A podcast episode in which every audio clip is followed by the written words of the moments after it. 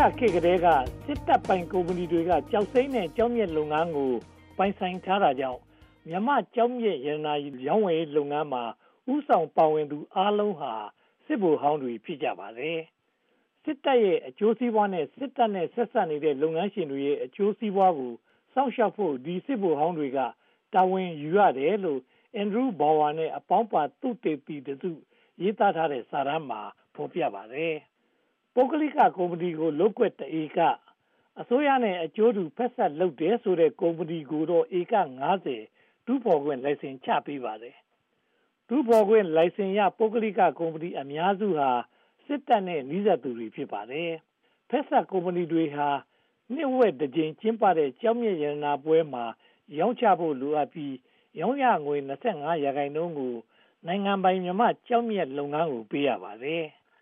ဖမ်းဆီးရမိတဲ့ကျောက်မျက်ကိုလည်းမြန်မာ့ကျောက်မျက်လုပ်ငန်းက ရောင်းချပြီးရာခိုင်နှုန်းရဲတပ်ဖွဲ့ကို ပေးပါတယ်။ကုမ္ပဏီတွေဟာ ထုတ်လုပ်မှုကို ဒေသဆိုင်ရာ ကျောက်မျက်လုပ်ငန်းရုံးကို အစီရင်ခံဖို့ လိုပါတယ်။တွင်းဝခွန်၊ပြပွဲအထူးကုန်စည်ခွန်၊ပြပွဲဝန်ဆောင်ကြေး စတာတွေကို ကုမ္ပဏီတွေက ပေးဆောင်ရပါတယ်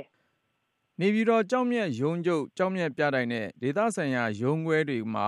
ဝန်ထမ်းလောက် လုပ်ကိုင်နေကြပါတယ်။ နိုင်ငံပိုင်လုပ်ငန်းထဲမှာ မြန်မာ့ကျောက်မျက်လုပ်ငန်းက အစိုးရကိုပေးတဲ့ငွေဟာ အများဆုံးလို့ သိရပါတယ်။ဒါပေမဲ့ ဝင်ငွေနဲ့ပတ်သက်ပြီး နိုင်ငံပိုင်ကျောက်မျက်လုပ်ငန်းကို အသေအချာ စစ်ဆေးတာမျိုး သိပ်မရှိဘူးလို့ ဆိုပါတယ်။နိုင်ငံပိုင်လုပ်ငန်းဟာ ကျောက်မျက်တွေကို ကိုယ်တိုင် ထိန်းသိမ်း သိုလှောင်ပါတယ်။ပုဂ္ဂလိကလုပ်ကွက်တွေကြောင့် ပြပွဲအပြင်မှာ ရောင်းဝယ်တာမျိုးရှိပေမယ့် ကြီးကြပ်စစ်ဆေးမှု သိပ်မရှိဘူးလို့ ဆိုပါတယ်။ကျောက်မျက်တန်းဖိုးဖြတ်တဲ့ လုပ်ငန်းမှာလည်း မြန်မာအစိုးရဟာ အားနည်းလွန်းတာမို့ ရသင့်သလောက်မရဘဲ နည်းပြီးရတယ်လို့ ဆိုပါတယ်။နေပြည်တော်က ကျောက်မျက်ပြပွဲ အဆောက်အအုံကတင် ယူရိုငွေသန်း ကုန်ကျပါတယ်။နိုင်ငံပိုင်ကျောက်မျက်လုပ်ငန်းမှာ အများဆုံးသုံးတာဟာ လုံခြုံရေးစရိတ် ဖြစ်ပါတယ်။လုပ်ကွက်အနီးမှာ အခြေစိုက်တဲ့ တပ်ရင်းရင်းရဲ့ အသုံးစရိတ်ကို ကျောက်မျက်ရုံးက ပေးချေပါတယ်။အခုမှ စစ်တပ်ကဒီအသုံးစရိတ်ကို ကျခံကြောင်း သိရပါတယ်။အခြားအသုံးစရိတ်တွေကတော့ ဝန်ထမ်းလစာနဲ့ ဝန်ဆောင်ခတွေ ဖြစ်ပါတယ်။နိုင်ငံပိုင် ကျောက်မျက်လုပ်ငန်းရဲ့ ၂၀၁၂ က ဖွင့်လှစ်တဲ့ သီးသန့်ငွေစာရင်းကိုယ်ပိုင်ရန်ပုံငွေဟာ ကျပ်ဘီလီယံနီးပါး ရှိပါတယ်။ဒီငွေဟာနှစ်စာ အသုံးစရိတ်နဲ့ ညီမျှပါတယ်။အစိုးရကို မှန်မှန်ကန်ကန် ငွေပေးသွင်းနိုင်ရေးအတွက် စာရင်းချုပ်ရုံးက နိုင်ငံပိုင်ကျောက်မျက်လုပ်ငန်းကို နှစ်စဉ်စစ်ဆေးပါတယ်။ဒါပေမဲ့ ကျောက်မျက်လုပ်ငန်းဆိုင်ရာ ဘဏ္ဍာရေးစစ်ဆေးမှုဟာ အားနည်းနေဆဲဖြစ်ပါတယ်။လုပ်ငန်းဆောင်ရွက်မှုကို မစစ်ဆေးနိုင်ဘူးလို့ဆိုပါတယ်။နိုင်ငံပိုင်ကျောက်မျက်လုပ်ငန်းဟာအသားတင်အမြတ်ရဲ့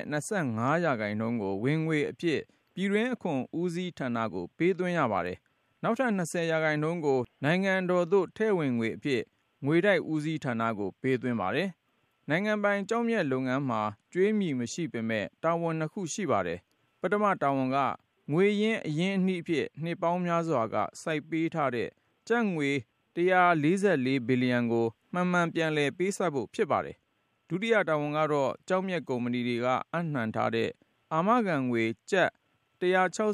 ဘီလီယံ ဖြစ်ပါတယ်။ကျောက်မျက်ကုမ္ပဏီက ကန်ထရိုက်စာချုပ် ဖောက်ဖျက်ရင် သိမ်းယူနိုင်ဖို့ အပ်နံှထားတဲ့ငွေ ဖြစ်ပါတယ်။ဒါပေမဲ့ ကန်ထရိုက်စာချုပ် ဖောက်ဖျက်မှုကြောင့် နိုင်ငံပိုင် ကျောက်မျက်လုပ်ငန်းက အပ်နံှငွေ သိမ်းဆည်းတာမျိုး မရှိသေးပါဘူး။ နိုင်ငံခြားကျောက်ကုန်သည်ရာခိုင်နှုန်းဟာ တရုတ်ပြည်ကလာသူဖြစ်ပြီး ပြည်တွင်းကတော့ နိုင်ငံပိုင်ကျောက်မျက်လုပ်ငန်းအပါအဝင် ပုဂ္ဂလိကကုမ္ပဏီ၊သမဝါယမအသင်းနဲ့ အစိုးရနဲ့ အကျိုးတူဖက်စပ်တွေ ဖြစ်ပါတယ်။အစိုးရနဲ့ အကျိုးတူဖက်စပ်ကုမ္ပဏီတွေက အများဆုံး ထုတ်လုပ်ပါတယ်။ကုမ္ပဏီတွေ နှစ်စဉ်ထည့်ထားတဲ့ ကျောက်မျက်လုပ်ငန်းအသင်း ရန်ပုံငွေ ယူရိုသန်းအမေရိကန်ဒေါ်လာသန်းနီးပါးကို သမ္မတဦးသိန်းစိန်အပါအဝင် စစ်ဗိုလ်ကြီးတွေအလွဲသုံးစားလုပ်မှုဟာ အတော်လူသိများပါတယ်။ဖားကန့်ကျောက်စိမ်းမြေမှာလုပ်ကွက်အကောင်းဆုံးရသူတွေထဲမှာဗိုလ်ချုပ်မှူးကြီးသန်းရွှေရဲ့ဇနီးဒေါ်ကြိုင်ကြိုင်ရဲ့သားတဦးပါဝင်နေပုံကို Seamus Murdock က၂၀၁၆ဖေဖေါ်ဝါရီလရက်နေ့ထုတ်ဧရာဝတီစာစောင်မှာအသေးစိတ်ဖော်ပြပါတယ်။ကျောက်စိမ်းလုပ်ကွက်အကောင်းဆုံးနေရာကိုကျိုင်ကျောက်မျက်ကုမ္ပဏီကယူပါတယ်။ဒီကုမ္ပဏီရဲ့ညွှန်ကြားရေးမှူးထဲမှာ ကျိုင်ဆန်းရွှေဆိုသူပါဝင်ပါတယ်။ဗိုလ်ချုပ်မှူးကြီးသန်းရွှေကြီးစိုးတုန်းကကြိုင်ကျောက်မျက်ကုမ္ပဏီဆိုပြီးကျောက်စိမ်းတွေကိုပြောင်းထုတ်နေရာကစစ်အာဏာရှင်အနားယူသွားတဲ့အခါမှာ Classic International ဆိုတဲ့အမည်ကိုပြောင်းလိုက်ပါတယ်။ဒါပေမဲ့ကျိုင်ဆန်းရွှေကိုပိုင်ရှင်အဖြစ်မှတ်ပုံတင်ထားတယ်လို့ဖော်ပြပါတယ်ခင်များ။